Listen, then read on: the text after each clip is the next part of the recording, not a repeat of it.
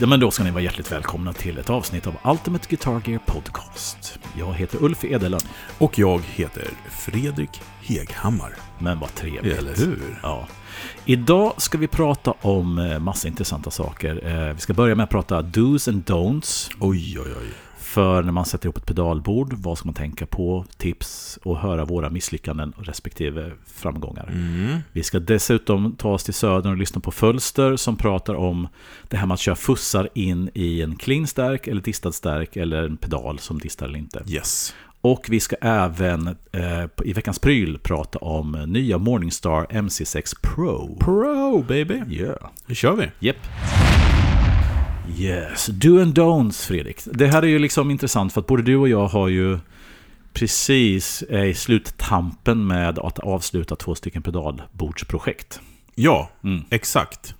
Eh, och innan vi börjar, nej, jag tänkte säga, vi börjar. Ja, ja. Eh, tips nummer ett. Oavsett vad du gör när det har med pedalbordsbyggande att göra. Avsätt tid. Mm, precis. Jag, jag brukar säga så här. Tiden läker alla Ja, sår. eller hur? Nej, var inte strä- och jag brukar säga det finns tre saker man ska tänka på som är viktiga. Det är att planera, planera och planera. Ja, de tre P'na. Ja, precis.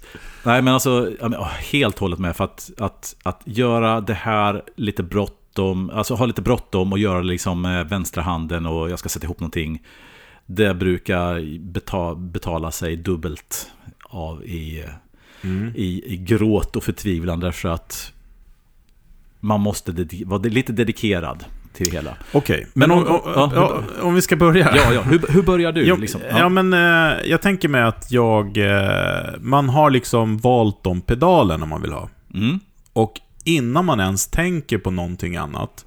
Det är klart att det kan vara så att man måste utgå från vad man har för bord. Mm. Men förhoppningsvis så utgår man ifrån vad man vill ha för pedaler. Det är väl första tipset. Ja, jag skulle gå till och med så långt tillbaka som säga vad vill jag göra med bordet? Alltså redan innan man tänker, okej, vad ska jag göra? Ska det här vara ett, liksom ett allt i allo-bord? Ska det vara ett wetboard? Ska det vara ett, alltså, Du har så. helt rätt. Ja. Vad har vi för vision och mål? Ja. Ja. Sen så tycker jag ju att Visst, det kan finnas situationer där man säger om det här är mitt så här carry-on board, Mm. då som på svenska är ta är med sig på flygplanet, bord, Mm. helt enkelt, som har ett specifikt mått. Ja, Mm. men då är det ju det du får välja pedaler som, alltså, Passar som, som lever upp till din vision Ja. och som passar på bordet. Mm. Mm. Men vi, vi, låt säga att vi har gjort det. Mm. Vi har hittat våra pedaler. Eh, och innan du ens tänker tanken till att börja bygga ett pedalbord, så kolla att de här pedalerna lirar ihop Just det. På rätt sätt. För det- är nämligen, eh, vi kommer till ström och sådana saker, det kan vi säga direkt, snåla inte med strömmen. Se Nej. till att ha bra isolerad ström, det är nummer ett. Se Yes. till, i det här läget där vi är nu, så spelar det ingen roll vad du har för kablar, så länge de funkar. Mm. Eh, jag själv och du också, vi använder oss ju utav EBS-kablar Mm. för att eh, testa layouten. De är Mm. perfekta för det. Man Mm. kan ha dem på bordet sen också om man vill, men eh, vi, vi har ju lött egna kablar. Mm. Men vi kommer dit. Men så att, lägg den här pedalerna i, i det, så som du ska ha. Spelar du, ska du ha de här pedalerna, eller det här bordet, i ett speciellt sammanhang, det vill säga kanske att du spelar med ett band till exempel, repar, spelar live, Mm. då måste du testa den så också. Mm. För att jag har ju nu med mitt senaste bord, eh, så jag hade ju ett jättebra bord. Rev det för att jag var liksom kände att ja, men jag vill göra något nytt. Mm. Och har nu satt upp ett nytt bord som vi ska göra ett, en, ett avsnitt om också. Våra, våra nya byggen, så att säga. Eh, men det var också för mig lite nya pedaler. Mm. Så jag har suttit uppe i mitt gitarrum Mm. och jag har satt ihop dem och det låter ju fantastiskt bra. Mm. Eh, mogen som jag är med min erfarenhet av att bygga pedalbord så lägger jag ner det här i en eh, ICA-kasse. Mm. En valfri, Valfri plastpåse. valfri plastpåse. Ja. Papppåse är att föredra. Ja. Både för miljön och för storleken. Ja. Eh, så tog jag med mig det till repet. Mm. Eh, och då funkade ju inte det. För det är kött och det har kött mest. Mm. Och det blev för diskantigt när den spelade in i den och den den och den hade en buffer där hit och dit. Mm. Så att liksom testa, testa. Mm. Och det är så här att vissa grejer går att lösa jättelätt genom att man, ja men behöver jag trails på det här tremolot? Mm. Om den har en sån funktion. Nej, jag stänger av det. Okej, då försvinner buffern. Då blir det true bypass. Ja, men då funkar det. Mm. Men vad händer när den är på? och Såna där. Kolla ordningen. Vad händer om jag spelar den in i den och sådana saker. Ja. Och det du beskriver är ju precis det här som, som jag brukar kalla råttbot. Det här med att man vill ju ganska snabbt ha ett snyggt pedalbord. Men då tycker jag att man oftast börjar i fel ände. Det här med att okay, man har bordet och sen sätter man på pedaler och sen så drar man allt, fixar ordning och så märker man att det här funkar inte. Så att det här råttbot är att man kopplar ihop pedaler, ger dem bra ström, funkar, kopplar ihop det med vilken kabel du har. Och sen så testa. Och sen i det här råttboet så, precis som du säger, man flyttar pedaler, fixar ordning tills det råttboet låter bra. Ja, precis. Så att om råttboet låter bra så kommer antagligen ditt pedalbord låta bra. Men ja, att man men, gör det ja, men först. för att det är Mm. Jättejobbigt att flytta runt när du har satt dem på plats. Det är jättejobbigt att flytta kablar och det är alltså beroende på vad du har för bord såklart. Om du har ett luftigt fint bord så kanske inte är jobbigt, men eh, tipset är att gör det vid sidan om. Mm. Lägg, lägg upp det på en eh, bricka eller någonting, eller en skiva, alltså en, en träskiva eller vad som helst, så att du kan Mm. flytta runt det. Mm. För det vill man gärna kunna göra. Så att, men testa det på rätt volym. Ja. Det är ju liksom... Ja. Överhuvudtaget liksom att det här med att testa grejerna först. Eh, och jag skulle komma till, alltså kanske, det kan ju till och med vara så att man har en idé om att jag vill ha de här pedalerna. Och eh, det jag brukar göra då innan jag ens har köpt pedalerna är ju att klippa ut de här liksom storlekarna i pedalerna i papper och sen lägga upp dem på motsvarande storlek som jag tror pedalbordet ska vara och testa, funkar det här rent fysiskt? Ja, men och då, Ja. då, då har du ju inget pedalbord, Nej, nej, utan du precis. behöver köpa Ja. ett så att säga. Ja, Ja. Det, är ju, det är ju också super, super bra såklart, att, lay, att jobba med layout på så sätt. Och sen så... Det som, är, Mm. det som är nackdelen med det, Mm, det är ju att man glömmer ju lätt hur mycket kontakterna tar. kontakterna sticker ut och sådana saker. Så att egentligen då, om jag får ta steget efter då, Mm, mm. är det okej? Ja, absolut. Så nu har vi testat att allting, allting funkar och låter bra. Mm, Eh, Vi har titt- kollat att vårt, vår strömförsörjning räcker till alla. De som behöver dela ström, det funkar. Där är också dos and don'ts. Låt inte eh, digitala och analoga pedaler dela ström. mm, Det blir, kan bli problem. Det Mm. blir inte alltid problem, men det kan bli problem. mm. Eh, fussar och drivar kan de, dela. Kolla så att fussen klarar det såklart Mm. först. Mm. Den kan vara speciell och det kan vara med polaritet och saker. Men Mm. vi har, vi har kollat att strömmen funkar. Eh, nu ska vi då eh, ta råttbot, som du kallar det, labbbordet, Mm. och besätta det på plats. Då är det ju att se till att sätta eh, kontakter eller kablar i allting. Eh, innan du lägger upp det på bordet. För att alltså, om du lägger ut, gör layouten utan att ha kablar i, då kommer du få göra om det. Ja.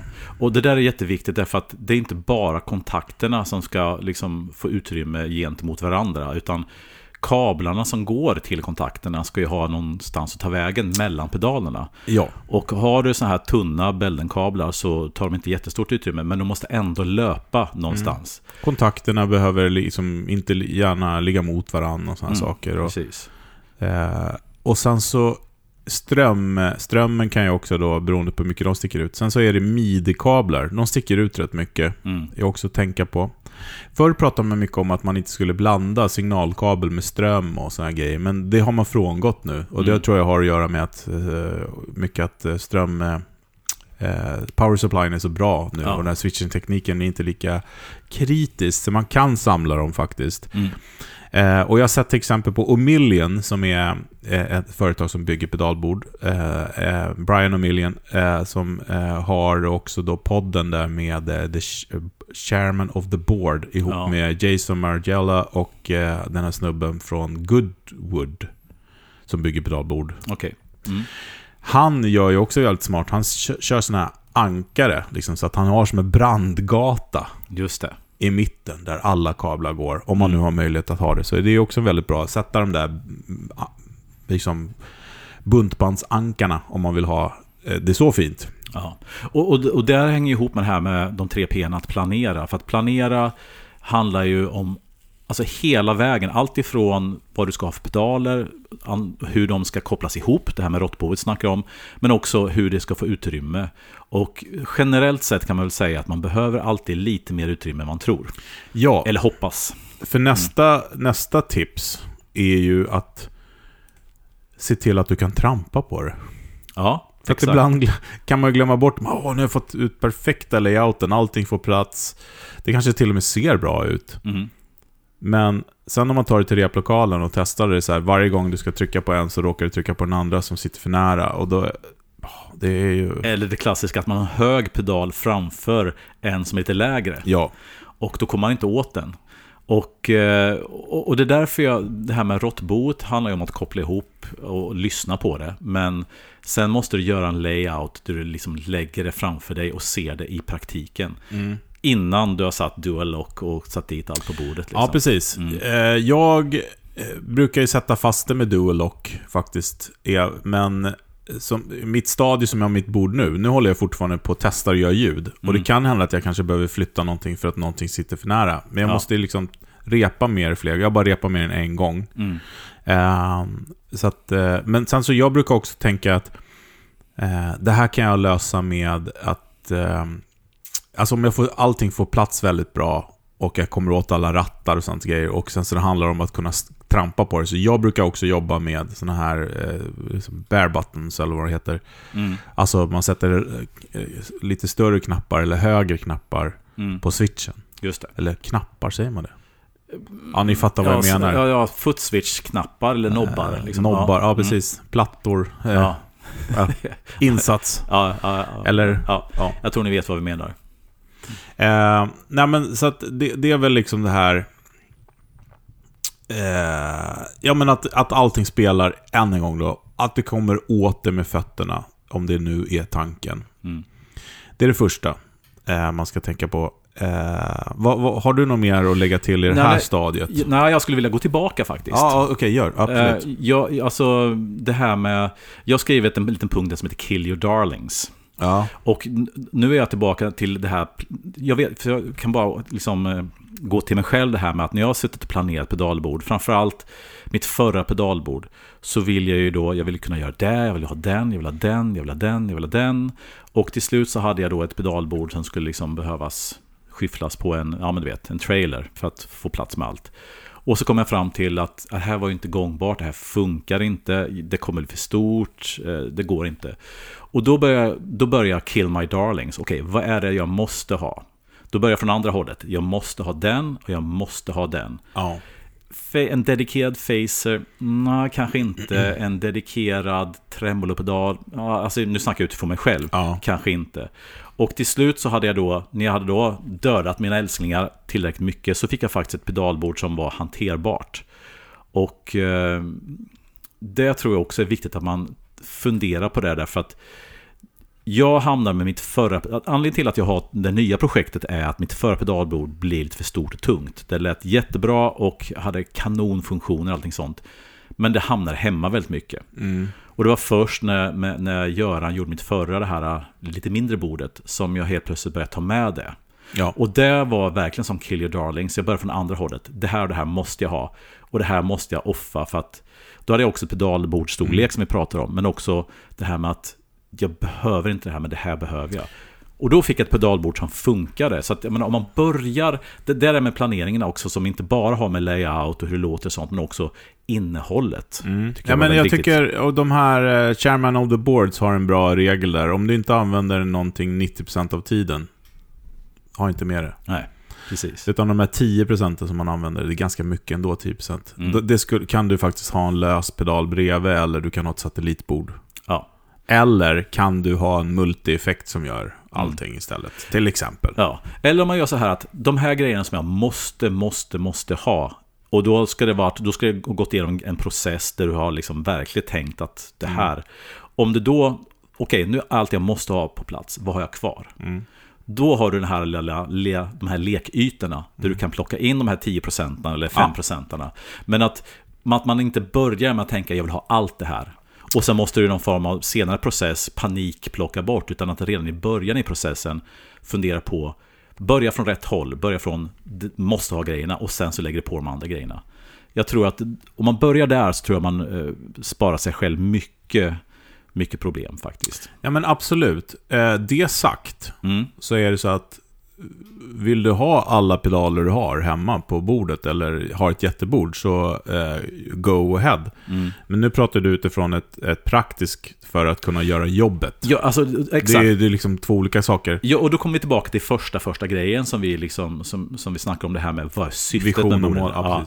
Ska du ha det hemma, ja men då kan det vara hur stort som helst och det behöver inte sitta ihop, det behöver inte vara liksom det behöver inte sitta ihop så extremt tight och det behöver inte vara liksom så att det kan klara att liksom slängas in i bilar och sånt. Utan det kan vara liksom en stor platta och, och sen sätter du ihop allt. Men ska det vara portabelt, Mm. ska du ut och spela med det, eh, vad för typ av musik ska du spela? Mm. Alltså den här grundgrejen.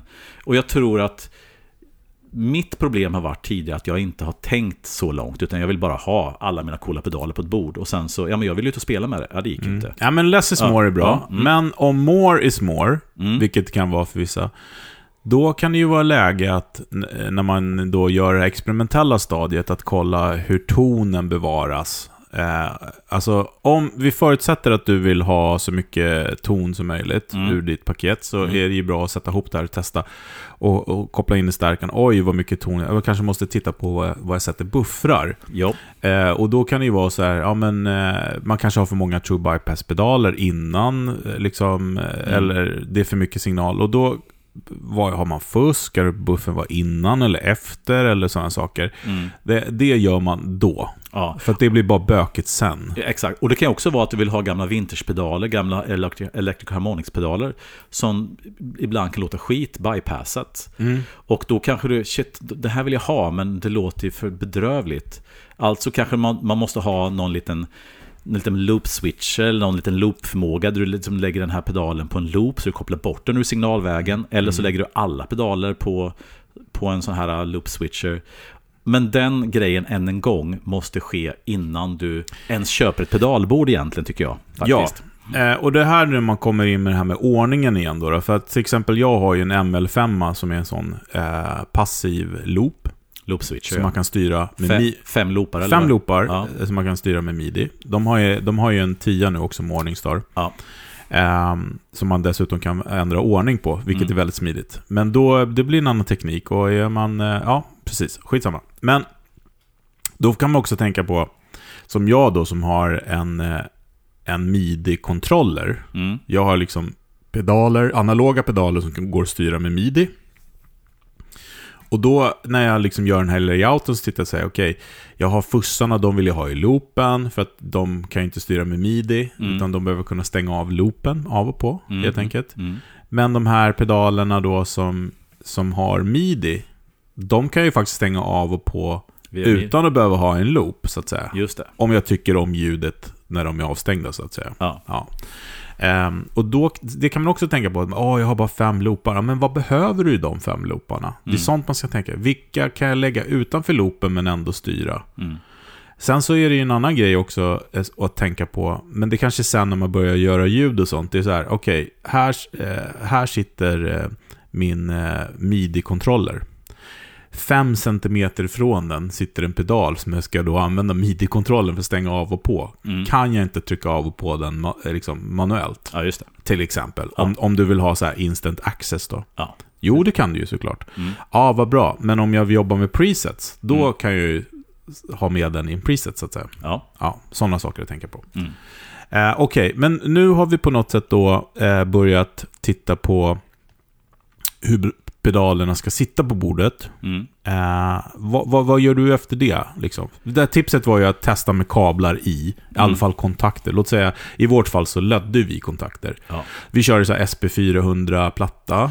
KMMK-kontakter. Ja, Mm. eh, och raka under. Mm. Eh, men då sätter man i dem där om man inte har lött kablarna än, vilket Ja. jag hoppas att man inte har gjort. det är Nej, nästa precis. tips. Ska inte löda kablar först. Nej, ja. eh, utan man sätter in dem där och kollar så att allting lirar. Ja. För en grej som jag upptäckte var att, att till exempel mina Rose Delay, det fungerade inte att sätta midi och är det utgången, de satt så nära så att jag tänkte sätta två stycken platta kontakter som inte bygger så långt. Men så visade det sig att det fick inte plats två platta. Då Nej. höll på att bryta sönder ingångsjacken så att jag var tvungen att sätta en rak där. Ja. Och då bygger den lite längre ut. Mm. Och det upptäckte jag väldigt sent i, i mitt... Som tur var hade jag utrymme för att den inte stack ut för långt. Mm. Men det är typexemplet på att koppla in allting först, även, alltså kontakterna löst utan att ha lött kablarna. Och bara kolla på hur bygger det här ut åt sidan, fram och tillbaka Mm. och sånt. Eh, Men om man utgår ifrån att man har gjort den här researchen först. Man har gjort liksom hela den här råttbo-grejen. Man har liksom ett pedalbord, man har gjort layouten, man har satt pedalerna med kontakter. Allting funkar. Ehm, och då är ju det här med... Alltså, vi har ju inte, vi har, vi har gått förbi det här med power supply. Vi kanske måste... Nej, men vi på- sa, vi sa ja. väl, vi, vi har benämnt det att eh, vi skulle Ja. ha ett isolerat och att vi ska titta på vad som ska delas med vad. Exakt. Och att man i råttbo-läget där har testat. Och då, det kanske man första man ska köpa är ju en bra power supply. Och eh, testa att det funkar liksom. Och att det låter rätt. Ja. Men, men som sagt var, eh, men om man har gjort allt det här så, och allt finns upplagt på, pedalbordet, allt funkar. Då är man väl i löda kabelläge. Eller någonting annat som du skulle gjort innan. Om vi har gjort allt detta först. Eh, nej, jag hade nog... Vid det här laget så har jag nog redan satt eh, dual, Dual lock ja. dual lock. Bara för att se att allt funkar och Ja. sitter fast och sånt. Men ja. också för att i processen, och det här är också ett tips, i alla fall för mig, eh, som har Soulman-bord, ni som har bord då som mycket grejer sitter under, är ju att man måste kunna vända på bordet, eller ställa upp det. Mm. Och då rasar ju pedalerna ner om de inte Ja. sitter fast. Exakt. Eh, och det är jävligt irriterande. Jag försökte hålla handduk och hålla på så här, men, Ja. men eh, för att jag ville inte sätta dual lock för jag ville vänta tills allting var klart. Mm. Men det, det, det blir jäkligt trögjobbat. Ja. Så att, eh, sätt det liksom. Ja. Nej, men alltså, har, har, har ni börjat med att sätta dit pedalerna med kablar och sånt, eller med kontakter. Funkar allt det där, sätt dit dual lock och sen så är det lättare att jobba med. Ja, men Ja. faktiskt. Mm. Eh, nej, men eh, tipset där är väl då att om man tänker sig att man ska börja eh, ja, men göra kablar. Eller vi säger att vi drar strömmen först då. Ja, det, det, det var ju så jag gick Ja. vidare nästan. Då är min starka rekommendation att märka upp varje kabel. Mm, Eh, först på power supplyen. mm, Eh, och det kan man göra med, med, med så här maskeringstejp om man inte har någon märk, märkapparat. mm. Eh, men vad går vad? Mm. Det kommer underlätta när du felsöker sen. För Ja. felsöka, det kommer du behöva göra. Ja. Och där sa du en grej som jag inte är så bra på, som jag kommer antagligen Ja, men det blir så mycket extra jobb alltså. Ja, Var går den här någonstans? Och Ja. så, så går det in i någon, någon form av eh, kabeltunnel som... Eh, där Ja. alltså det blir mycket kablar. Ja, Så att Precis. märk upp dem, vart de går, så att du har koll på, på det. Eh, bra tips. ja, och det är som sagt, det kan vara tillfälligt, du kan ta bort det sen. Men jag, jag rekommenderar att det är kvar sen också, för att är du ute och spelar och någonting går paj så kan det vara skönt att veta vad är vad. Ja, precis. Eh, så det skulle jag göra. Och sen så då ska man börja titta på, på att göra kablar. Mm. Eh, Det kan ju vara så att man köper färdiga kablar och då kan man ju eh, göra det efter pedalerna sitter där. Mm. Att man mäter och tycker, ja jag behöver tre, eh, fyra stycken 50 cm. Jag och där brukar jag tänka liksom, så så kort kabel som möjligt. Mm. Men att du också måste kunna sätta fast det. Ja. Liksom. Och, och det här läget så, så var ju Fredrik fantastiskt för att mitt förra, det här torra, mitt mindre torra, eller vad ska jag säga, mitt vanliga pedalbord, det gjorde Göran på Sound of Silence och det är världens bästa pedalbord. Fantastiskt bra. Men det här projektet tänkte jag med mitt nya pedalbord, som skulle vara någon form av wetboard, så vi ska snacka mer om sen, det ville jag faktiskt testa att göra själv med hjälp av Fredrik. Så att, eh, Fredrik hjälpte mig att löda kablar här en förmiddag eller eftermiddag och eh, jag skulle, jag tycker personligen att löda kablar, det är lite mäckigare och det är lite, tar lite längre tid än att köpa färdiga. Men då kan du få både kontakter som behövs. För att helt plötsligt behövde jag då en rak kontakt istället för en platt kontakt. Och då hade jag då köpt färdiga kablar så hade det blivit krångligt. Men nu så kunde vi då customisa det hela. Och, eh, och jag tycker att med bra Beldenkabel och de här KMMK-kontakterna, både raka och eh, platta, så blev det väldigt, väldigt bra. Och man kunde liksom specialgöra längder och man kunde specialgöra kontakter, raka vinklar när det behövdes. Mm. Jag skulle hemskt gärna, om jag hade haft intresse och tid, vilja lära mig att löda så jag skulle kunna göra de här grejerna själv utan att behöva anlita någon annan att hjälpa mig. Men eh, stort tack för dig Fredrik för att du hjälpte mig med det. Men det var väldigt bra tycker jag att löda grejer istället för att köra färdiga. Jag hade nog... Det hade nog inte funkat riktigt om jag hade köpt färdiga Nej, kablar. ditt, det, det vart special på ditt. Mm. Eh, men, och där är ju också ett tips när man löder kabel då, att man har antingen en kabeltestare eller som i mitt fall så har jag en sån eh, mät, men, mä, mätimeter, eller vad heter Multi... Ja. Inte multimeter, ja, men en sån eh, så att jag kan kolla att det går signal igenom. Mm. Eh, för det vill man inte göra sen. Nej. Helt enkelt. Nej. Eh, ja, vad, vad, gör vi, vad gör vi nu då? Nu, nu har vi eh, kablar och sånt på plats. Ja. Eh, då behöver vi titta på... Är det egentligen innan så om vi ska ha någon så här in och ut? Ja. Vad, vad är det liksom? Vad, vad, vad, sätter vi in gitarren och vad går den ut? Behöver vi ett interface eller, eller går vi bara Just direkt till pedaler? Och går vi direkt till pedaler, är det, sitter den på rätt ställe, sista pedalen och sådana Ja. saker? Ja. ja, alltså det här med exakt kopplingsbox och sånt. Och eh, för mitt nya bord så, så hade Soulman varit så proffsiga så de har en sån in och utbox där. Ja, precis. Där jag kunde liksom patcha in och sånt. Men det kan ju också vara så att man vill ha en, någon form av box där du har till exempel en isotrafo eller en jordlyft som jag har på mitt lilla bord. Mm. Och eh, det finns ju P-split som är kanon från Lele. Och på mitt lilla bord har ju då Göran byggt en grej och sånt. Eh, så att, men det där är också någonting som man måste vara med från början. Därför att oj vad många kablar som går in och ut från konstiga platser på bordet. Då kanske det är bättre att ha en sån här liksom, liten interfacebox. Antingen Soulman-modul eller om någon bygger den åt en som man då måste ha någonstans. Och den måste också planeras in på något sätt. Ja, men precis. Mm. Och sen kommer vi till det här med till exempel midi då, då om man har det som jag har. Då måste Ja, du se det. till att eh, har pedalerna, de kanske har TRS och om de har TRS-midi, eh, är det ring eller tipp? Och Ja. klarar då din, din eh, switcher, ring eller tipp? Eh, har du till exempel Chase Bliss-pedaler som jag har, då måste du, om, om du har, inte har en, en ganska avancerad då switcher, Mm. eh, ha deras midi-box. Ja, och där stötte jag på patrull. Det är en sån klassisk grej att jag hade lite för bråttom. För jag har två stycken Rose, Eventide Rose Delay på som jag drog midi till då från min eh, nya coola midi-pedal. Eh, som då, ja men du vet, och sen gick den från midi-pedalen till en liten eh, midi-split och sen ut från den i den. Och det funkar inte. Mm. Och sen så, jag hade satt dit allt, allt var färdigt, bordet var färdigt. Och så kom på, vänta lite grann här. Det måste vara en special interfacebox. Den måste skicka någon form av spänning från den här Ja. boxen. Så att då var det bara att hutta den här midi-splitten och köpa en ny, som tur var, som var lika stor. Och den, jag hade tur där helt enkelt. Jag fick löda om kontakterna från vanlig 5-pin till TRS. Eh, och den kunde man ställa då, pin och sleeve och allt det här. Mm. Men det var så ett typexempel på att jag inte hade läst på, utan borde vara färdigt och det funkar inte. Så jag fick göra om det och köpa nya grejer. Precis. Men, men sen är det också, det här är också ett tips för er som sliter i håren och försöker få det här att funka. Att till exempel Chase Bliss-pedaler, Mm. eh, som då är ring, tror jag. Mm. Eh, där måste tippen liksom jordas ur. Okej.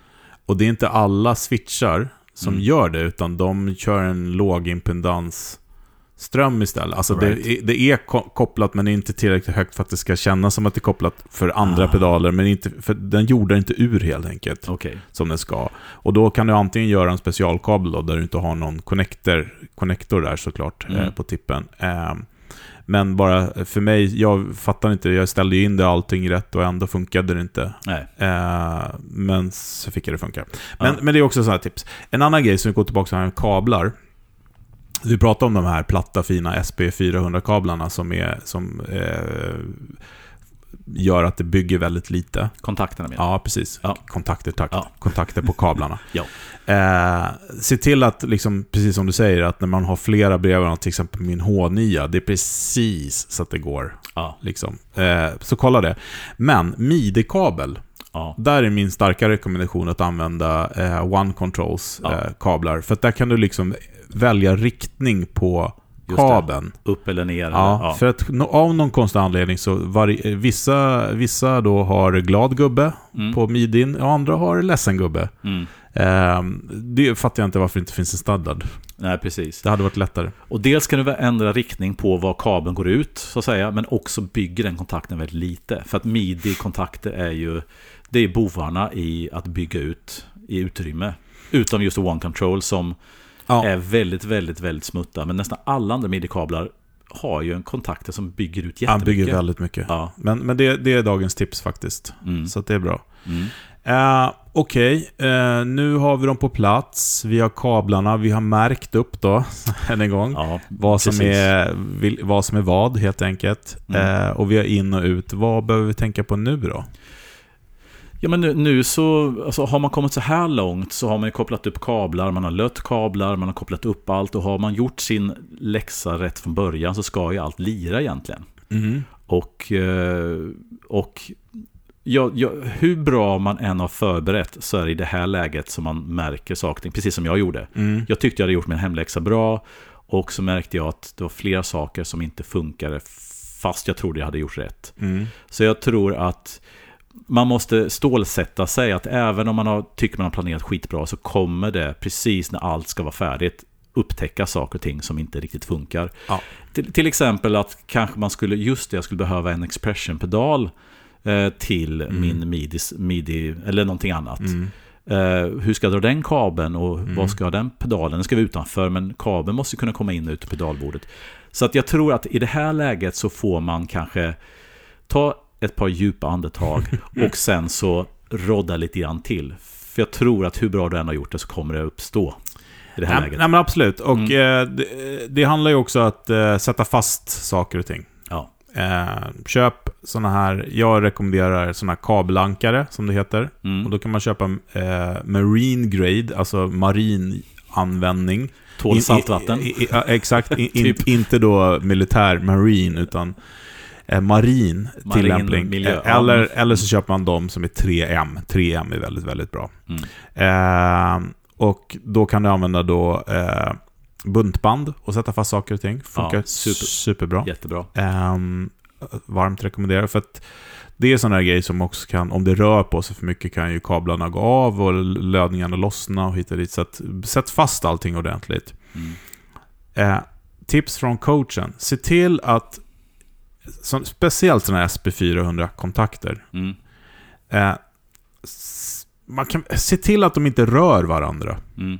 Eh, för till exempel om du har, som jag använder, Lele P-splitten. Mm. Du sätter i dem och sen så är det en som är isolerad och en som är direkt. Ja, ja. De det, Mm. vill inte gjorda tillsammans, till Precis. exempel. Det Nej. blir ju liksom dumt. Ja. Likadant in och utboxar och sånt. Se till att de här grejerna inte ligger... Pedaler brukar inte vara lika farligt. Men, Mm. men just eh, så in och ut-grejer, Mm. när det liksom splittas och sånt. Se till att... Jag brukar sätta lite, eh, vad heter det, gaffatejp runt dem. Mm. Så att om de nu åker ihop så, så Mm. gör det ingenting. Ja. Men, men det, det, det är en sån här grej som man kan slita sitt hår. Att man bara, vad i helvete liksom. Mm. då är det någon liten kontakt någonstans som ligger emot och Ja, brummar. Och Det sen blir skulle, krypströmmar helt enkelt. Ja, men precis. Och sen skulle jag också rekommendera att när man gör de här, när man då buntar ihop eh, alla kablar och sånt. Jag väntade till allting, allting var på plats. E- Efter jag fick göra det här äh, omläxan hit och dit så gick det ändå någon vecka innan jag buntbandade ihop allt. Mm. För att jag ville vara helt säker på att det inte var någonting mer. Det kan fortfarande ske någonting som Mm. behövs. Jag är generellt lite allergisk mot att buntbanda och ankra för mycket. Därför att det kommer alltid vara någon grej jag vill testa. Och har jag då för tajta toleranser så måste jag klippa upp allt igen. Än en gång, Mm. ska du flytta det Mm, mer än en gång mm, i veckan?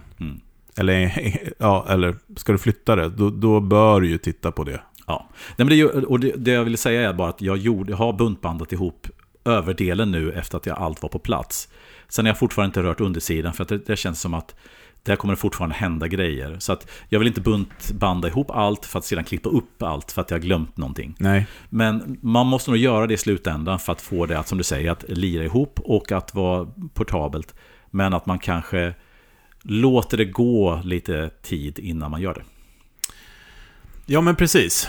Eh, och, Om du inte ska ut på turné omedelbart. Ja, exakt. Och jag, jag är inne på, jag har ju nu ett par veckor nu, jag kommer låta det vara o, obuntat ett tag till, för nu ska jag sätta mig och göra ljud, och det kan hända att någon pedal försvinner bort då. Ja, precis. Eh, eller något kommer till eh, och sånt. Men, eh, Och det kan ju också vara så att ska du ha ett experimentbord så kanske du inte ska buntbanda det rätt, rätt igenom. Utan det gör det ska du inte bunt, buntbanda alls. Nej, men precis, precis. Mm. Eh, nej men en- andra saker att tänka på, det är liksom så här, hur kommer du använda ditt pedalbord? Och det har du egentligen tillbaka igen då med planeringen. Mm. Det vill, det vill säga, eh, det som jag kommer på till exempel när jag sitter hemma, Mm. är ju Jag har ett eh, Solman M55-bord Mm. som egentligen inte är så bra anpassat för mig här hemma. För att jag vill kunna ställa upp det på en pall eller någonting. Ja. Och då går ju inte det eftersom jag har grejer under. Och den har ju liksom ingen bottenplatta på så Nej. sätt.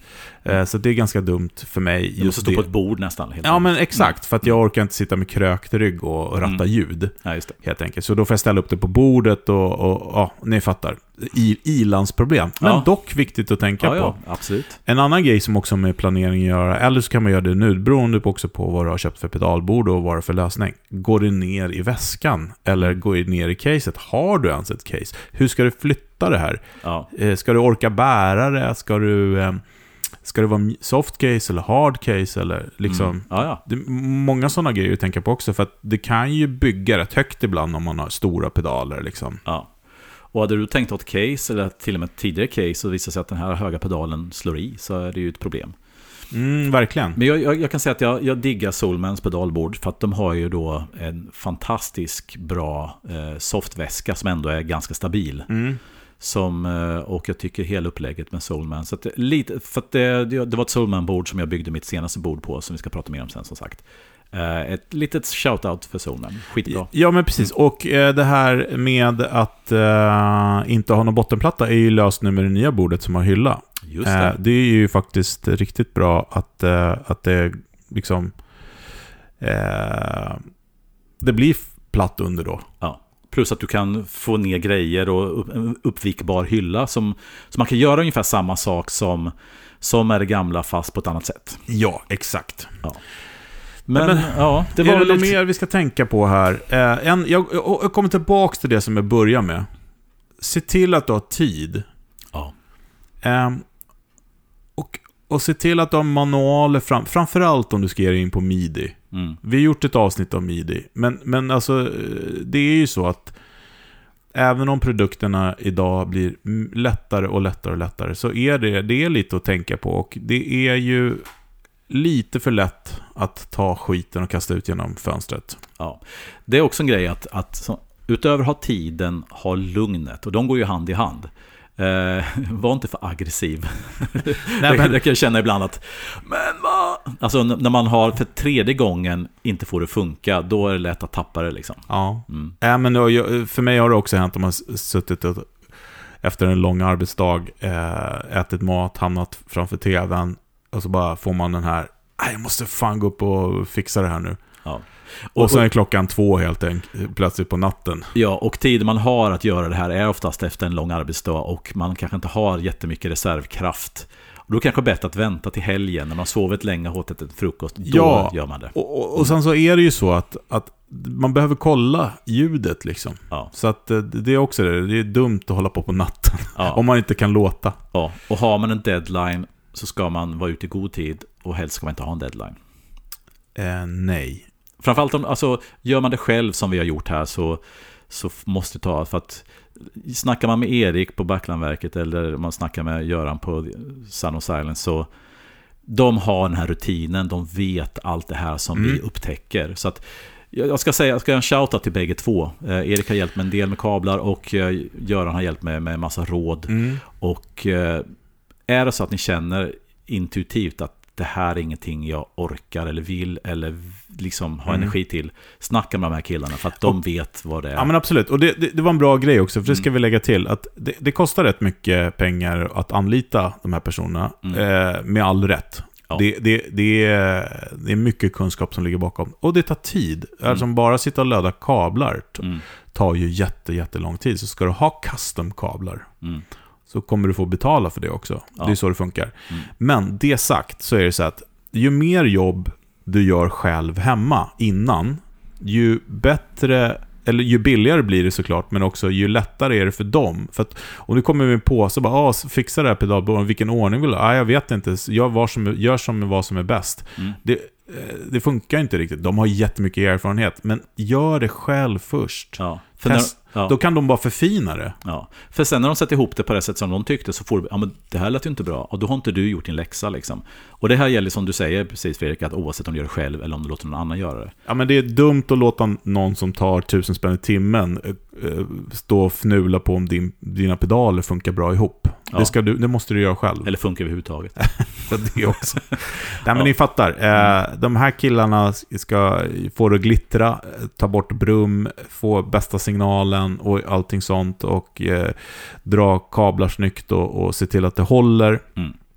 Gör resten av jobbet själv så spar ni eh, många tusenlappar på det. Ja. Och vill ni göra det helt och hållet själv så är det ett kul projekt. Eh, om ni har energi och tid och tålamod. Mm. Ja, Men som sagt var också, gör en inköpslista innan för att eh, det har väl både du och jag mm, gått skyttetrafik till att köpa en kabel där, lite eh, sådana straplocks där, det där, en, åh nej nu sa faktiskt en kontakt, liksom Ja. det, Fast, fast det, det jag märkte är att jag tyckte att jag hade planerat väldigt noga, men sen under processen så dyker upp grejer. Och det kommer det ofelbart göra. Att var beredd på att hur väl ni än planerar så kommer det dyka upp. Men ju bättre ni planerar desto mindre grejer dyker upp. yes. Och apropå dyka upp, Eh, eller ner, eller ner. ja vi dyker ner. Ja, han kommer här. Mm.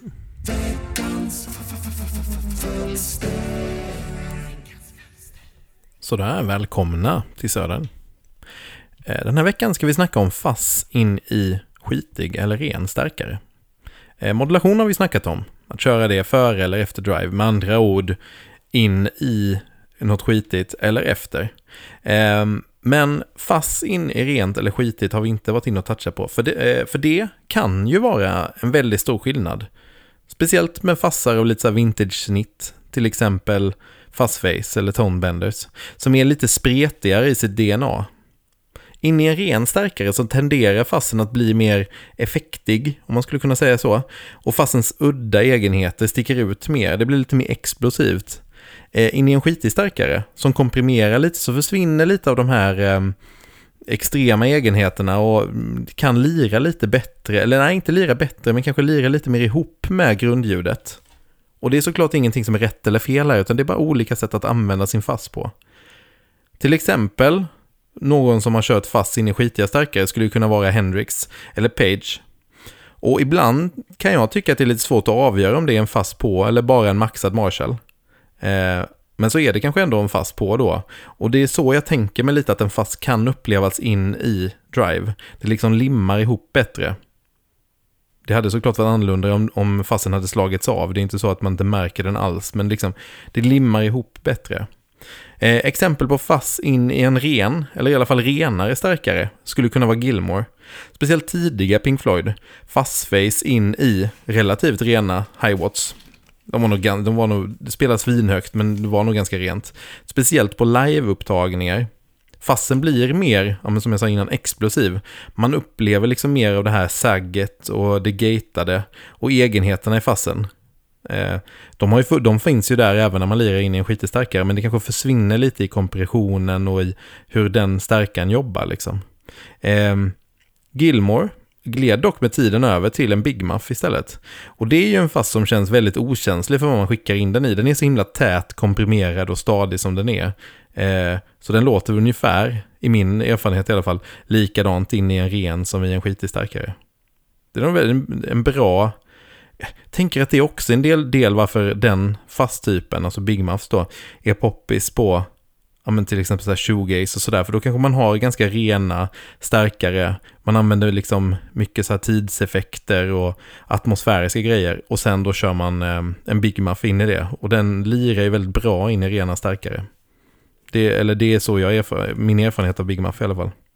Eh, samma är det väl med många modernare och med, med andra ord också stabilare fassar eh, som beter sig lite mer ja, vad ska man säga, inte lika spretiga som äldre och mer primitiva designer. Till exempel den fantastiska Kitty Carter Groovy Wizard jag nyligen fick hem. Svinbra, Fuzz, fuzzy drive, vad kallar de den? Fuzz driver tror jag, så det är liksom, ja, den dansar lite i gränslandet mellan pågainad stärk och klassisk fuzz i soundet.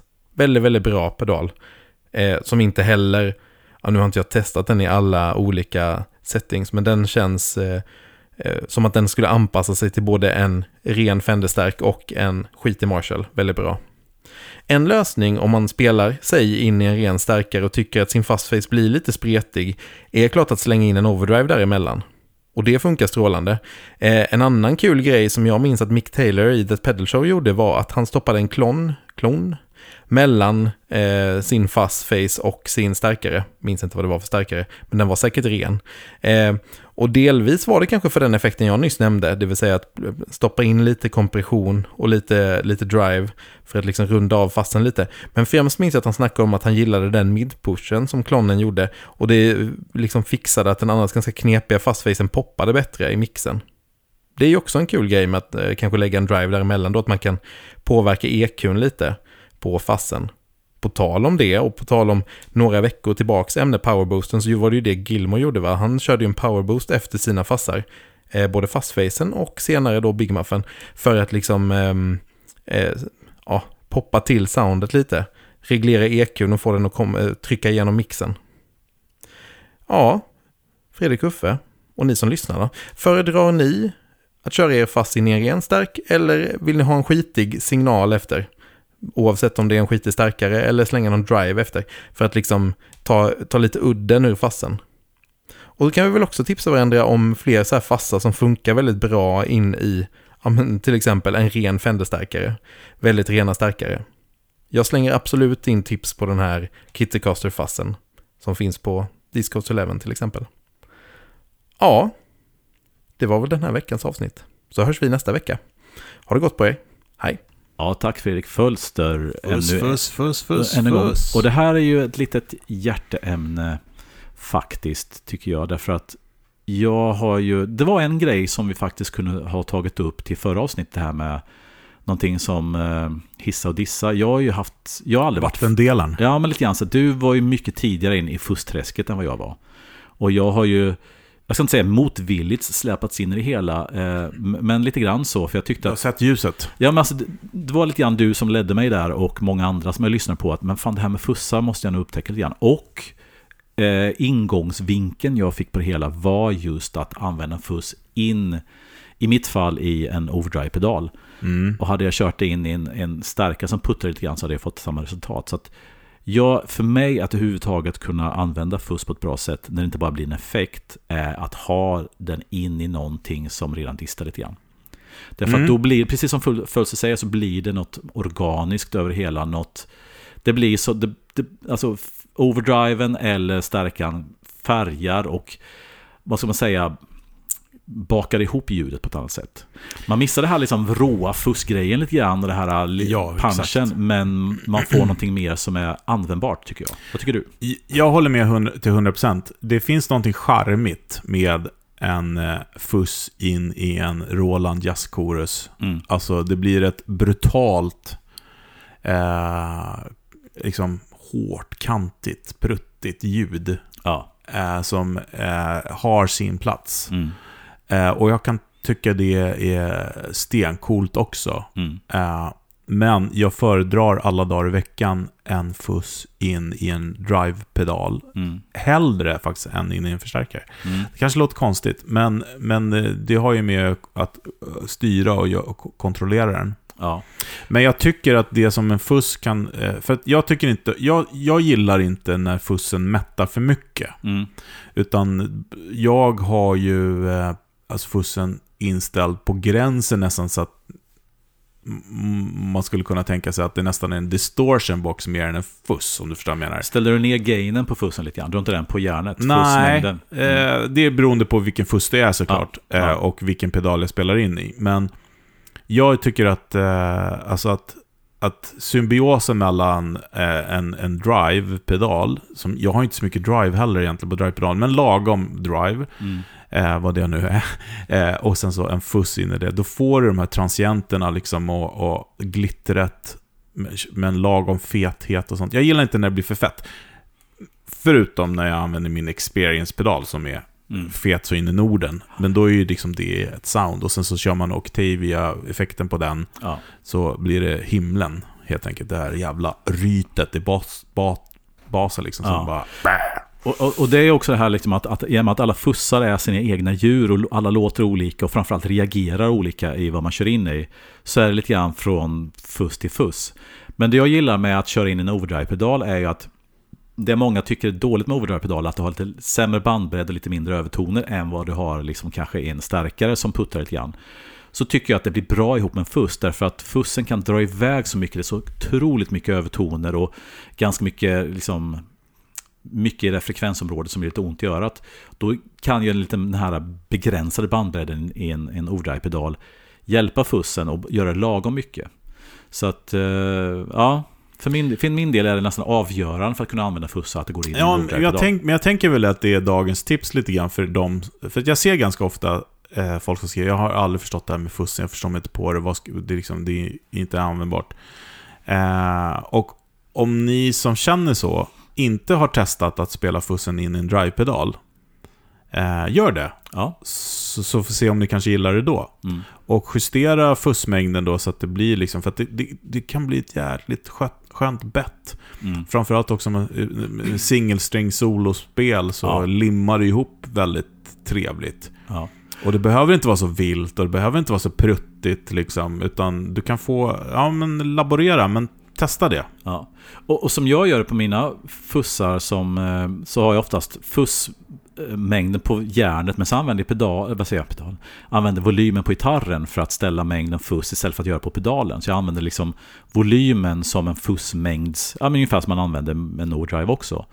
Och det tycker jag funkar skitbra för då har jag hela rangen. Och kör man då fullt eh, på 10 på gitarren så blir det ganska mättat och lite tjockt. Men drar du ner till 7-8 så får du det här overdrive-liknande. Ehm, Om du inte har treble bleed. Ja, precis. Och, och Det har jag exakt. stött på nu. Jag står i Ja. valet, kvalet ska klippa bort den eller inte. Men, Ja. jag, men jag vet inte. Och treble blir det världens bästa uppfinning när man kör ihop med en overdrive, men tyvärr kanske inte klockrent med en fuss. Därför så kan man göra som jag har gjort på en del gurer, att jag har en push-pull. Och, och vi ska säga vad som händer är ju Mm. att om du har en vanlig utan treble bleed på dina tonkontroller, eller volymkontrollen, så när du drar ner så ändras ju impedansen så att eh, pedalen cleanar upp Mm. På ett snyggt sätt. på ett väldigt snyggt sätt. Mm. Och du kan få magiska grejer. Det som händer med en, en treble bleed, det, det, det här eh, finns ju olika grader i helvetet så att säga. Men Mm. den som jag har i alla fall som låter så himla bra in i driver och saker, just i fuss, eh, i det här fallet en germanium-fuss då, Mm.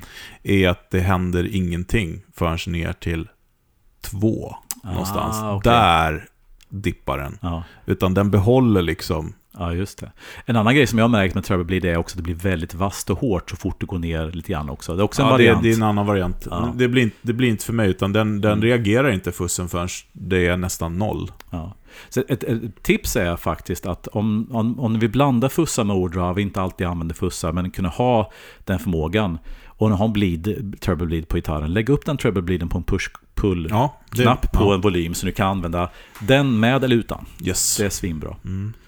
Ja, intressant ämne. Men faktiskt. eh, Mm. vi säger väl då eh, att vi är eniga om att eh, fuss in i en skitig stärk då. då. ja, eller eller, en overdrive-pedal pedal, är... Eh, In i lite smuts, där trivs Ja. den bäst. Absolut, det tycker jag kan hålla med om. Ja. Kul! Veckans vi... pryl, Ja, veckans pryl. Ja. Veckans pryl. Yes. Okej. Då är det du Fredrik som ska... Ja, men vi ska prata. Prata vi. Mm. det, det passade bra där tycker jag, för att vi eh, pratar ju om pedalbord här. Yes. Eh, och då är ju veckans pryl är ingenting mindre än Morningstar MC6 Pro. yes. Och du har ju haft MC8 ganska länge va? Ja, och MC6 också. Aha, Den vanliga. det. Ja. Det har jag ju på eh, lekbordet. Just det. Mm. Eh, Morningstar, för er som inte vet, gör ju då midi-kontroller. Ehm, och de gör också då fristående loop-system. Så att eh, man kan tänka sig om man tittar på en gig-rig, den här eh, G3 eller någonting, så, så Ja. är ju allting i ett då. då. Mm. Men här kan du liksom ha en midi-kontroller och styra midi separat och så kan du ha en den här eh, ehm, loop-switchen om du vill ha också. Ja. Men nu, det här är, nu pratar vi bara om midi-kontrollerna. Så de har Mm. funnits ett tag och när de kom så, jag, jag vill ändå påstå att de har revolutionerat midi Ja. med, med enkelhet. ja. Och, och både med Formfaktor och enkelhet. storlek, enkelhet och också, också funktioner, får man lov att säga. Ja, men precis. Och eh, de har gjort det enkelt att, att jobba med midi på, på sätt och vis genom sin, sin fantastiska editor då, som är, man har i datorn. Mm. Eller man kan göra det på pedalen också, men jag föredrar i datorn enkelt. Eh, det folk har kommit med, eh, med synpunkter på det är så här, ja, man skulle vilja ha fler tecken, du skulle vilja ha större display, du skulle vilja kunna ha mera färger. Och hit och dit. För Innan har det varit svartvitt kan man säga. Det, var, det är inte alltid så lätt att se från ett avstånd vad det är. Jag kan säga att jag har inte haft så mycket problem med det faktiskt, men, men vissa, har, vissa har problem med det. Eh, jag tycker att det har funkat väldigt, väldigt bra ändå. Men de har nu kommit med en MC6 Pro, Mm.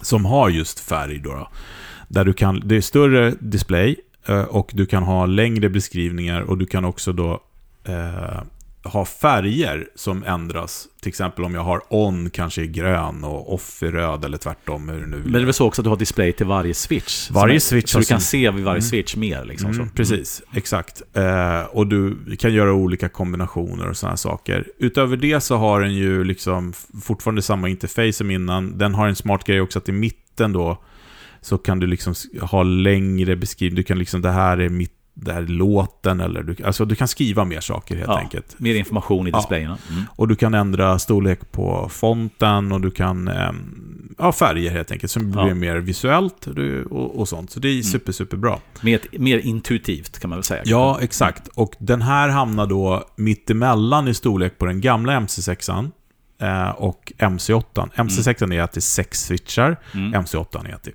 helt enkelt åtta switchar. Ja. Och sen så eftersom MC8 är större så har den lite fler så in och ut, helt enkelt. Men det som är bra på den här lilla rackaren då, den är liksom bara 18 cm bred Mm. och 100 djup då kan man säga. Mm. Eh, alltså millimeter och Ja. eh, eh, fem, 50 millimeter hög. Alltså 18 cm bred, 10 cm djup och 5 cm hög. Ja. för att inte blanda helt enkelt.